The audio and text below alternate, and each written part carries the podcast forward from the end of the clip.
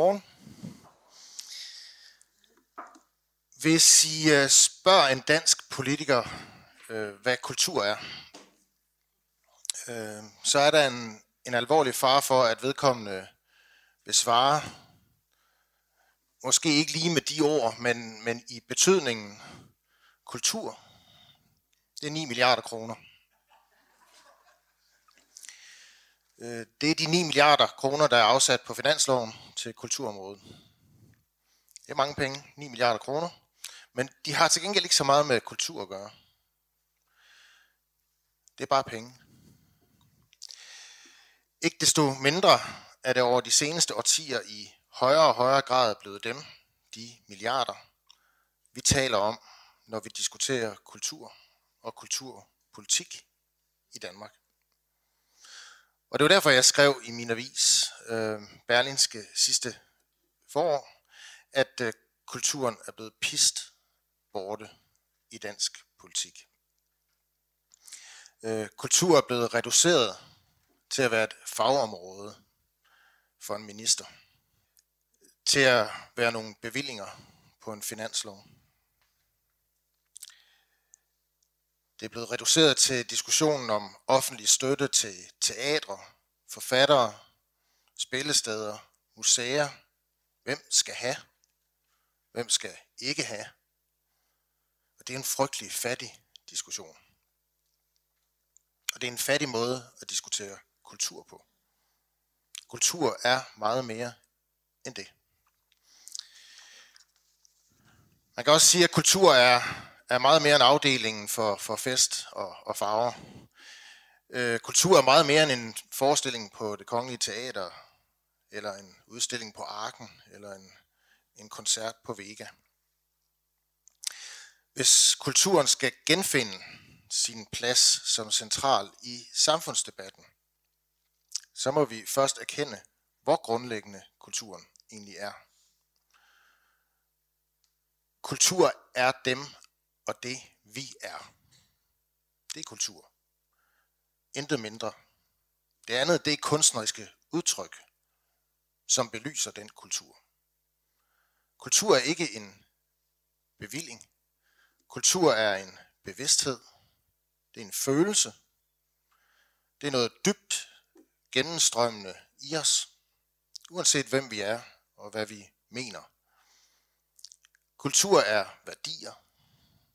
Kultur er det, der binder os sammen, også i et nationalt fællesskab, men også i andre fællesskaber. Kultur er vores historie. Det, der gik forud. Det, som var her, før vi selv var her. Og som vil være her, når vi engang er væk. Aldrig helt uforandret, for kultur er aldrig statisk. Og i et menneskes levetid, der vil meget ændre sig. Også kulturelt.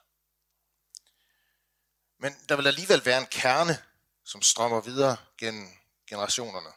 Noget, som binder fortid og nutid og fremtid sammen som en stærkere kraft end næsten noget andet, vi kender. Det er egentlig svært at sætte ord på. Måske derfor famler jeg mig lidt frem. Men tænk sig, jeg, jeg tror faktisk, I inderst inde godt ved, hvad jeg mener. Måske man instinktivt mærker det ekstra meget lige her i, i den her bygning, hvor, hvor, hvor Grundtvig så konkret er en del af den historie og den virkelighed, vi lige nu lever midt i og vil efterlade os, når vi engang dør. Jeg kan i hvert fald godt mærke den, når man går ind ad porten hernede. Kulturen strømme igennem mig. Men hvorfor er dansk politik, hvorfor er den danske samfundsdebat, der er blevet så kulturløs? Hvorfor fylder kulturen så lidt? Og når den fylder, hvorfor handler den så for det meste om, øh, om de der milliarder? Og hvorfor er økonomien i det hele taget kommet til at fylde så utrolig meget? Også i politik. Det er let at skyde på de forkerte. Det er let at skyde på Finansministeriets regnedrenge og Moderniseringsstyrelsen og de såkaldte neoliberale og, og konkurrencestaten og økonomerne og, og Bjarne Korydon og øh, regnemodellerne osv. Men det er at skyde forkert. Det er alt sammen kun symptomer. For mig at se stod, tog øh, skredet fart nogle helt andre steder. Med det kolossale dannelsestab, der tog sin begyndelse i skole- og uddannelsessystemet fra 1960'erne og frem, og som ramte alle os, der gik i skole i årene og årtierne derefter. Jeg var selv en af dem. Jeg startede i øh, folkeskolen i 1973, og i løbet af de følgende 10 år skete der dramatiske forandringer. Historiefaget blev for eksempel beskåret til fordel for et nyt og lettere udefinerbart fag ved navn samtidsorientering. Jeg havde en skrab og til tider ret uforsonlig historielærer. Fru Kær,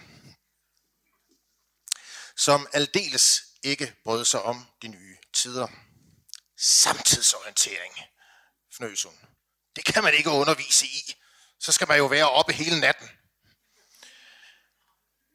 Det lå vi noget af, for, for det var jo på den ene side en fuldstændig meningsløs kritik. Øhm, men på den anden side havde hun måske en lille pointe. For hvad gik tabt, når skolen i et vist omfang erstattede den lange kikkert med nærsynetheden? Med blandt andet, men ikke kun, men blandt andet med den nye folkeskolelov op gennem 70'erne, som hele 68-oprørets afstand til autoriteter og paratviden og de eksisterende kulturelle normer og det eksisterende borgerlige samfund havde banet vejen for, så skete der noget relativt dramatisk. I virkeligheden indforskrev man Danmarks kommende voksne generationer som en slags forsøgskaniner i et enormt afdannelsesprojekt. Resultatet er, at, at mange i dag på den ene side har, og jeg er selv en af dem, hovedet og computeren fyldt med informationer. Men alligevel ved de måske for lidt. Jeg skal huske at inkludere mig selv. Vi ved for lidt. Øh, vi forstår for lidt. Herunder er de afgørende kulturelle sammenhænge, vi indgår i.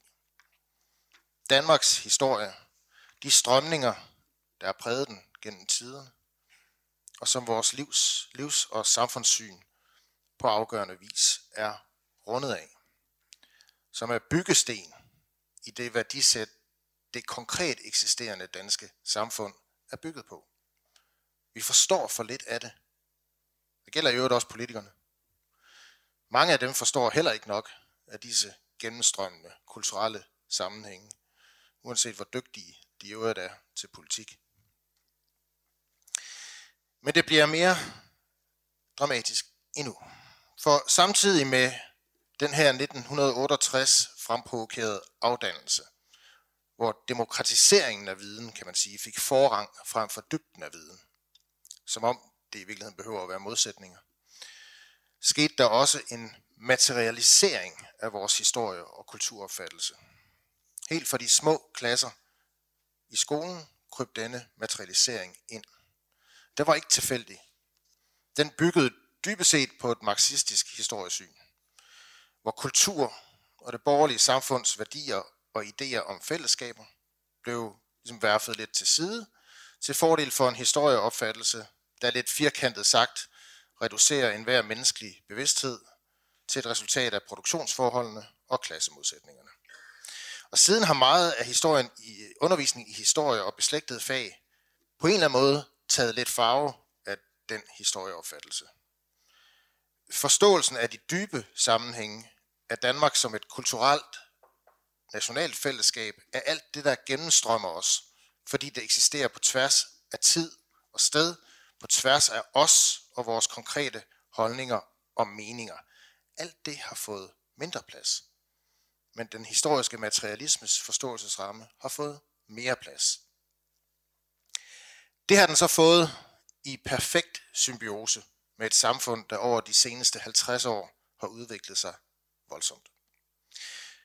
Fra 50'erne og videre, men særligt fra midt i 60'erne, voksede det moderne velfærdssamfund frem. Mere end halvdelen af borgerne i Danmark lever i dag reelt af den offentlige sektor. Og det er et helt andet samfund end det, der eksisterede før 1968. Det er også en forandring, der samtidig har understøttet den materialistiske samfundsforståelse og tvunget kulturen i defensiven, herunder politisk.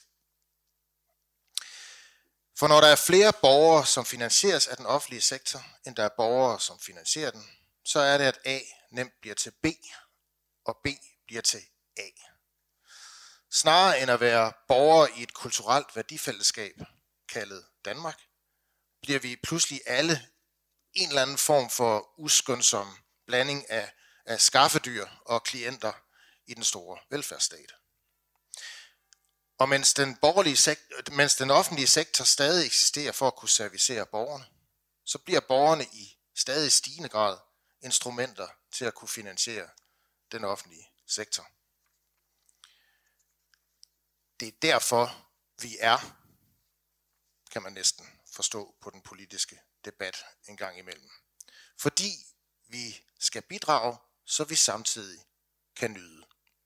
Om ikke efter behov, så dog næsten. Den historiske materialisme har dermed sejret. Og, og vi er forvandlet fra væsener, hvis fællesskab med hinanden bygger på ånd, på kultur, på dybe værdier, en fælles historie, et livsvilkår i dette landskab, et sprog, en gennemstrømmende følelse af samhørighed. Og det er blevet forvandlet til, at vi er fælles om at indsætte og hæve penge i den offentlige sektors store fælleskasse. Kulturen, den er undervejs røget ud af ligningen. Og ind ad døren er der trådt de økonomer og regnedrenge, som så ofte får skurkerollen, men som kun er symptomer på det, der er sket. På udfasningen af kulturen og indfasningen af en materialistisk tanke som rammen for vores nationale fællesskab med hinanden. Men det virkelig interessante lige nu er, at den udfasning af kultur, værdier og identitet, som vi har set siden 1968, og som har adskilt kultur fra det politiske og gjort politik til en Excel-ark øvelse, faktisk er i færd med at blive udfordret fra to sider. Dels fra den nye nationalkonservatisme og det yderste politiske højre. Helt ærligt. Altså, Dansk Folkeparti er det eneste parti i Folketinget, der til fulde har forstået den enorme kraft, der ligger i kulturen. Man kan så bryde sig mere eller mindre om den måde, DF'erne bruger kulturen på. Det er jo, det er jo kun en holdningssag. Men at DF forstår at bruge kulturen politisk, det er indiskutabelt. Det gælder i udlændingepolitikken, det gælder i udkantspolitikken, det gælder i den klassiske øh, kulturpolitik. Alex Arnsen, han er en mester til det. Men også på den modsatte fløj sker der noget. Den nye identitetspolitiske venstrefløj har også forstået, hvor stor magt der ligger i at bruge kulturen, identiteten. Desværre for mig at se blot som et stærkt problematisk magtinstrument, der ligesom det yderste højre i virkeligheden har til formål at underminere hele den borgerlige liberale samfundsmodels grundopfattelse af, at alle mennesker er lige, og inden for nationens rammer må og skal nyde godt af de samme rettigheder. Identitetspolitikken bygger i stedet på konstante krav om særrettigheder og særlige krav om beskyttelse til særlige identitære grupper, baseret på disse gruppers egne definitioner af, hvor undertrykte de er. Pludselig taler man om problemet med hvidhed. Pludselig er hudfarve igen en afgørende identifikationsfaktor. Og køn. Fem minutter senere kan man ikke synge Den danske sang er en ung blond pige på CBS, og undervisere på universiteterne må veje deres ord på en guldvægt, når de taler til studerende, som måske ikke definerer sig selv som enten mand eller kvinde. 10 minutter senere er ytringsfriheden og andre grundlæggende rettigheder, for ikke at tale om forskningsfriheden, reelt undermineret. Derfor vil jeg i dag på dette sted appellere til, at andre end de yderste fløje tager den opgave på sig at genrejse kulturen og historien og de fælles værdier i samfundsdebatten. Det yderfløjene har opdaget er, hvor meget alt dette betyder for os mennesker. Og hvor stort et hul i os mennesker kulturens udfasning og den store afdannelse har betydet over de seneste 50 år. Det har de ret i. Men skal de have lov at gisseltage kulturen, fordi de før andre opdagede dens betydning? Jeg håber det ikke. For måske er der simpelthen brug for en klassisk, ny dansk dannelsesbevægelse. Måske er der i en kaotisk tid med sociale medier, fake news og en smuldrende fælles offentlighed mere end nogensinde brug for en ny dannelsesbevægelse. Borget er forstandige, men måske politisk lidt mere uforsonlige fyrtårne af en åndelig og intellektuel støbning, der gør, at mennesker om 150 år stadig vil kunne mærke, hvordan disse fyrtårnes aftryk på Danmark gennemstrømmer dem, som vi stadig kan mærke, for eksempel Grundtvig. Hvem ved, måske mennesker, der om 150 år, jeres og mine efterkommere, sidder i, i dette lokale. Tak.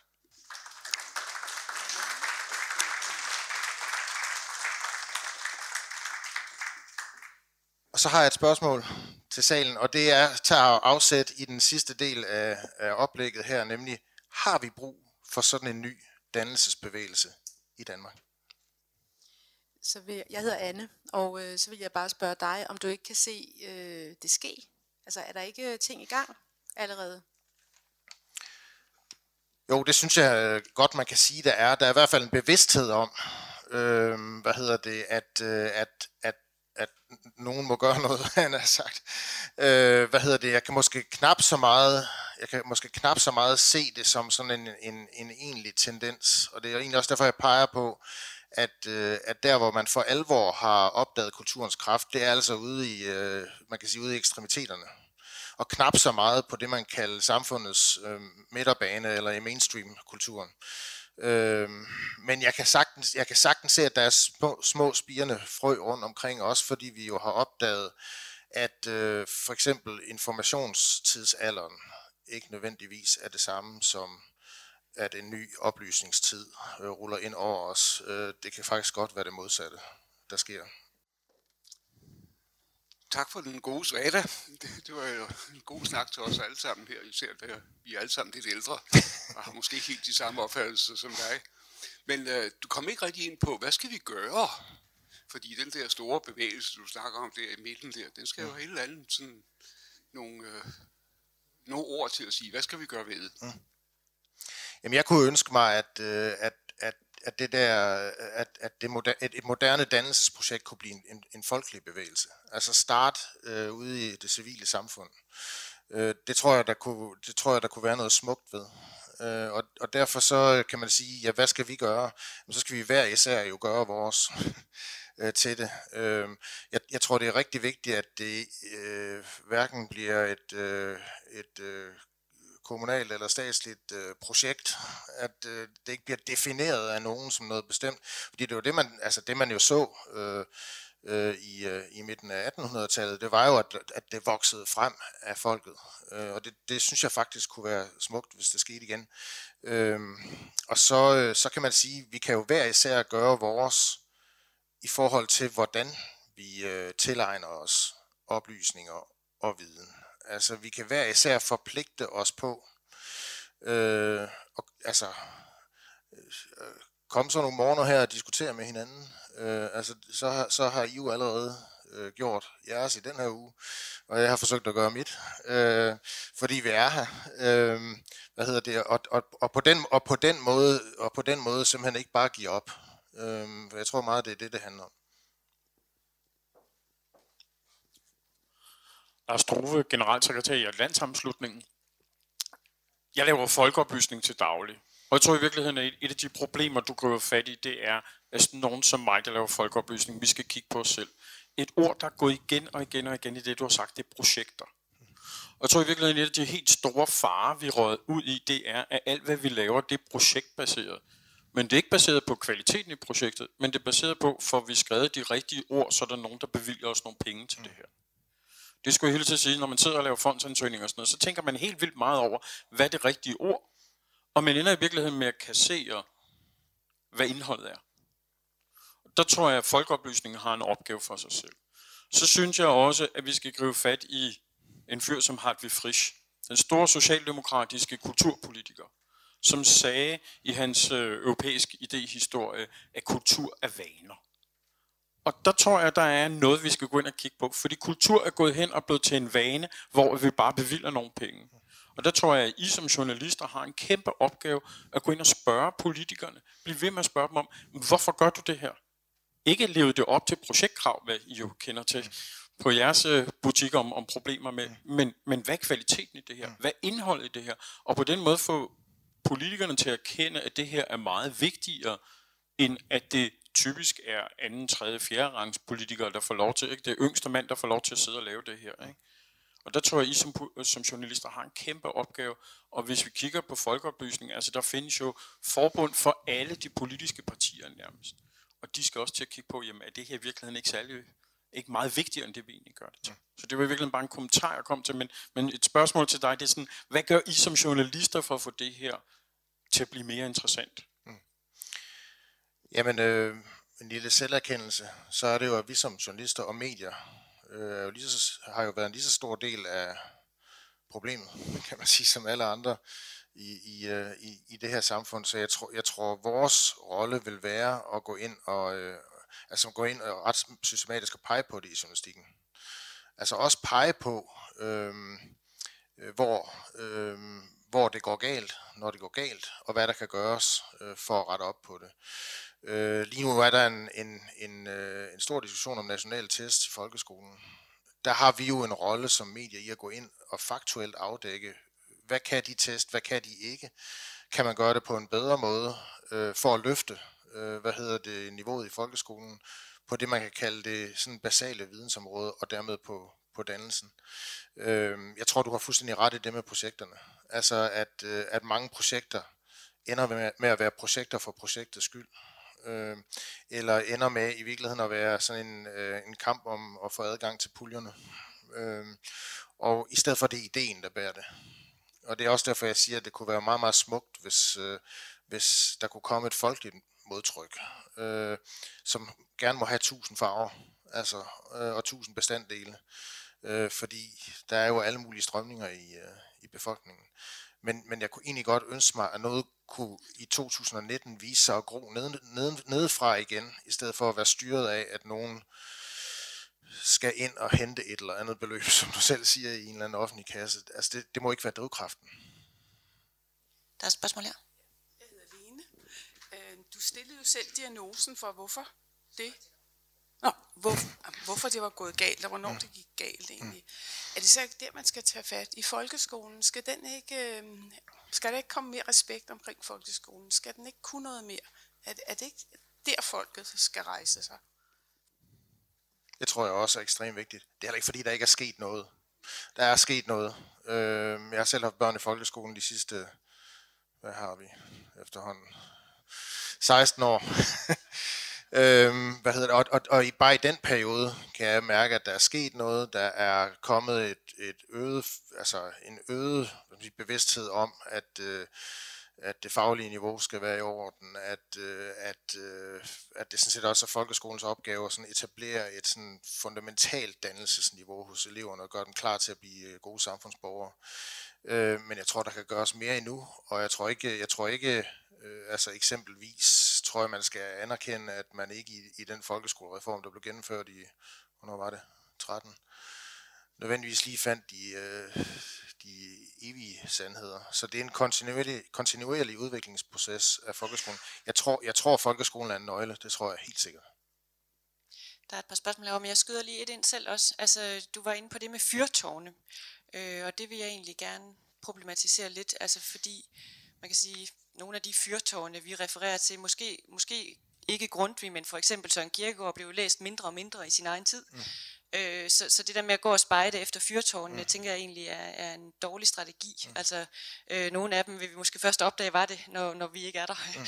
øh, så, så det synes jeg egentlig ikke, at, at den, altså det, så kan man blive desperat. Hvor mm. er de henne? Mm. Øh, I forhold til netop, kom dog i gang. Altså, mm. øh. Ej, de skal, de skal også gerne vokse op nedefra, vil jeg sige. Øh, øh jeg appellerer ikke til, at vi går ud og finder øh, stærke mænd og kvinder og sætter dem i spidsen for et, øh, et, et, et øh, slags oprør. Det er, ikke, det er ikke det, jeg taler for. Men, men det er klart, at en, en hver, øh, hvad skal man sige, et hvert nybrud ofte er båret af, at, øh, at stærke stemmer også melder sig.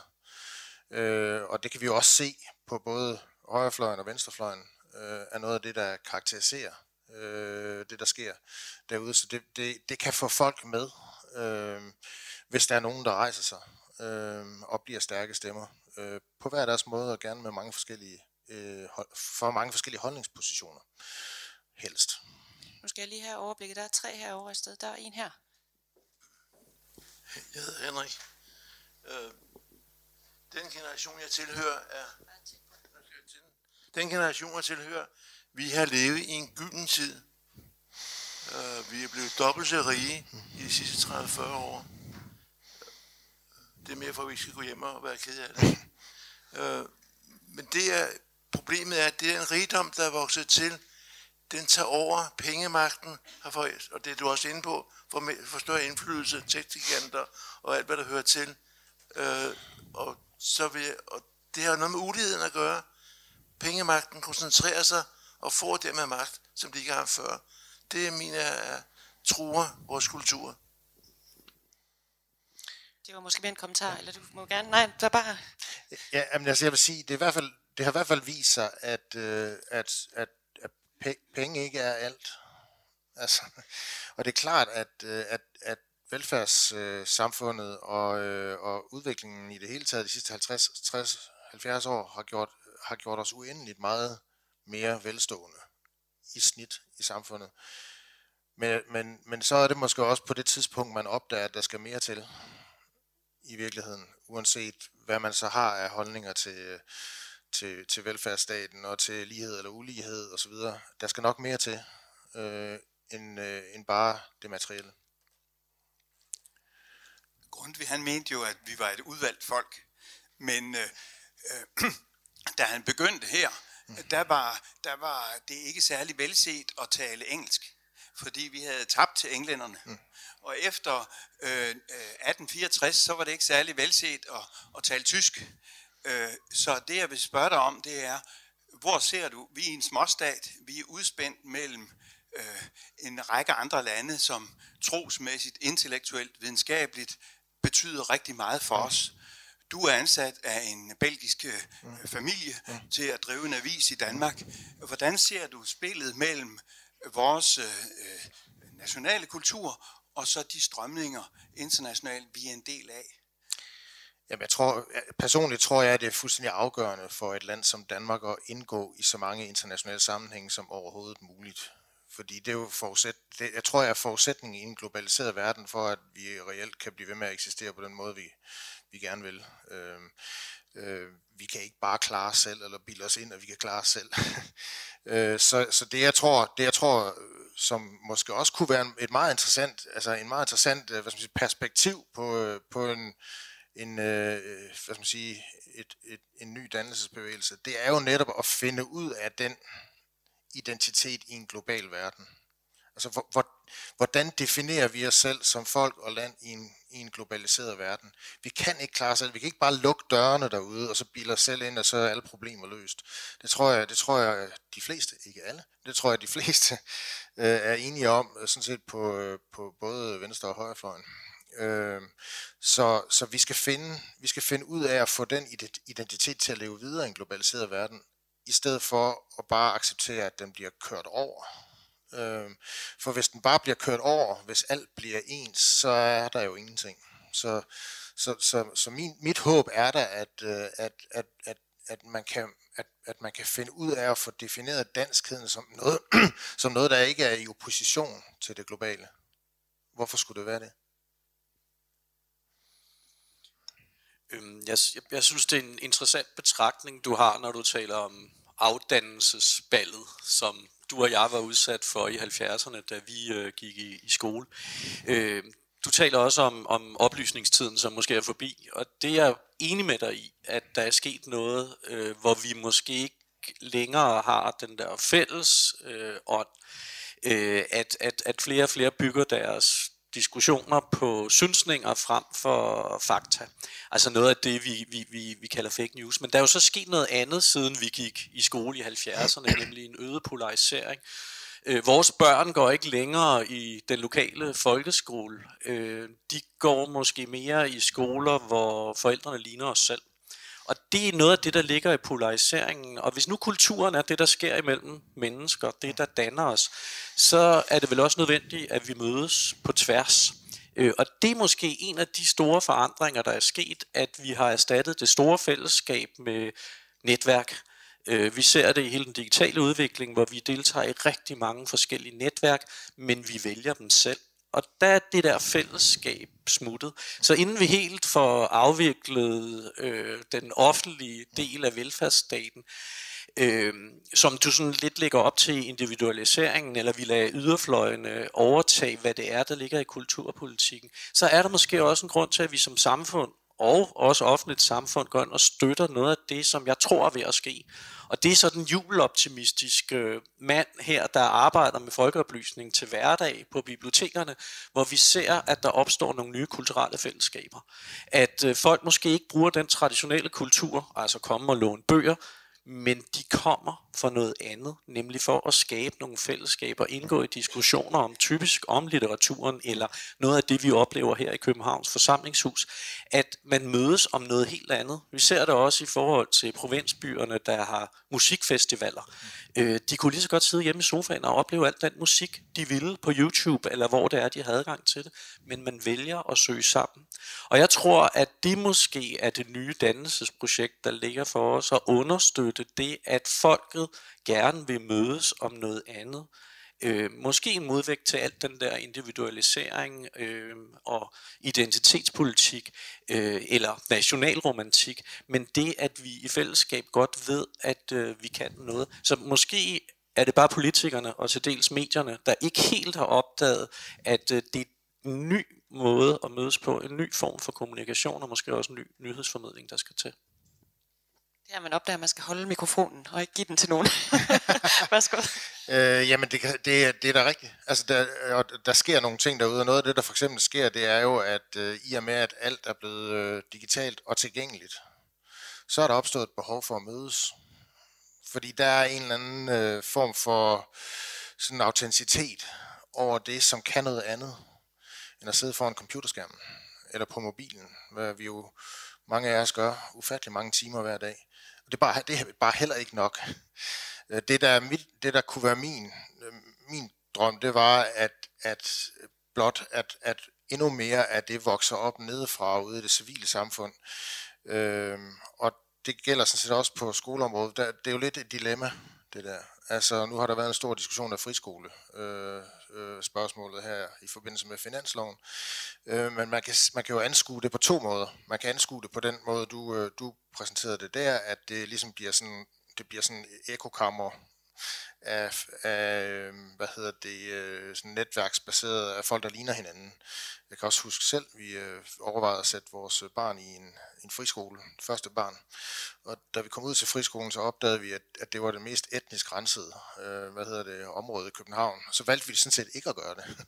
Af samme årsag har haft øh, alle vores børn i, i folkeskolen. På den anden side, så er det, at der er masser af friskoler med alle mulige forskellige udgangspunkter i udtryk for en meget, meget smuk mangfoldighed i, øh, i samfundet, den skal jo også være der. Øh, så det er jo det at få, at få tingene til at leve øh, sammen, men på en måde, der er organisk og, og også vokser op nedefra. Det synes jeg må være idealet. Jeg hedder Joachim, og øh, arbejder med folkeoplysning til hverdag, og, øh, og jeg tænker, at det minder på mange måder også om det der med at lave aviser på en eller anden måde. Det, vi har en ambition om at danne.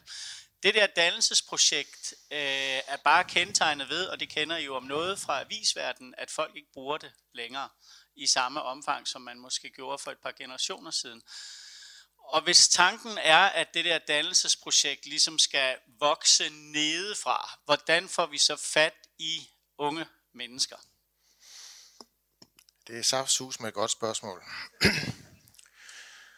Og tiden er vist... øh, hvad hedder det? Nej, øhm, øh, altså det første vi kan gøre, det er at begynde at tale om det. Så tror jeg, som, som du sagde her, at, at skolen spiller en vigtig rolle. Øh, jeg har selv været ude på skoler øh, nogle gange og tale om, øh, om medier og nyheder, øh, og øh, troværdighed og ikke troværdighed og kildekritik osv. Det er jo også, det er jo, også, det er jo bare øh, inde på min lille bane en måde at begynde at tale om det om. Altså når man nu er, øh, hvad hedder det, eksponeret for så mange informationer, som vi alle sammen er hver dag, hvor er det så, vi går hen og finder de informationer, der rent faktisk kan berige os med noget, vi kan bruge i resten af vores liv, øh, og som er altså, nogenlunde nogenlunde troværdigt. Og hvor er det, man ikke kan gøre det. Øh, så jeg tror, det, vi skal helt ud i de der, hvad skal man sige, der skal nok noget relativt sådan grundlæggende til i vores samtale, også med de unge, øh, for at få dem til at, øh, og hvad skal man sige, øh, åbne øjnene for, hvad der er af andre muligheder, end dem, de lige bliver eksponeret for hele tiden. Og så bliver de jo også voksne på et tidspunkt. Det kan være, det også hjælper. Så kommer der et sidste herfra. Ja, det er ikke et spørgsmål, men øh, jeg tænker bare, jeg er jo en brik i det hele. Jeg er jo en brik i det hele, ikke? Og, og, og jeg tænker på alt det, jeg deltager i nu, hvor jeg er blevet så gammel, 74 år. Altså, jeg, i et år har jeg deltaget i klimabevægelsen, som er et dialogmøde, hvor vi også både synger og danser mm. inden foran øh, Christiansborg fra klokken halv ni til klokken øh, 10. Altså, nu har jeg valgt det her øh, mm. i dag, men ellers så, og jeg går derhen bagefter, mm og øhm, man lærer hinanden at kende, og man udveksler synspunkter. Så er jeg med i en havnekomité, hvor, hvor vi laver øhm, høringssvar mm. til politikerne, så det ikke det er alle de rige, der får Nordhavn for eksempel, og går imod H.C. Øh, Andersens tower og mm. krydstogsskibe og engagerer os i lokalpolitik mm. mod forurening og af krydstogsskibene mm. og blander os på alle måder. Og det gør jeg, og det gør man jo også, i, når man sidder i, i øh, vinterbad, og i, øh, der snakker, det er noget med at snakke sammen alle de steder, hvor man er. Jeg er ikke i tvivl om, at I alle sammen er i gang i mange ting. Øhm, du får den sidste kommentar, og Men så det er jo, det er jo meget smukt mere af det, og mere af det, øh, der går hos øh, flere end øh, de mennesker i det danske samfund, dem der sidder her i dag, fordi jeg er ikke tvivl om, at I er nok nogle af dem, der for eksempel er aktive. Det kan jeg ligesom mærke på, på øh, atmosfæren her. Det er jo dejligt. Du har et spørgsmål til os. Ja, det er sådan et, et spørgsmål at gå hjem på. Hvad er vi egentlig fælles om? Det gå, gå meget gerne hjem og, og tænke lidt over det. Værsgo, og tusind tak, Tom Jensen.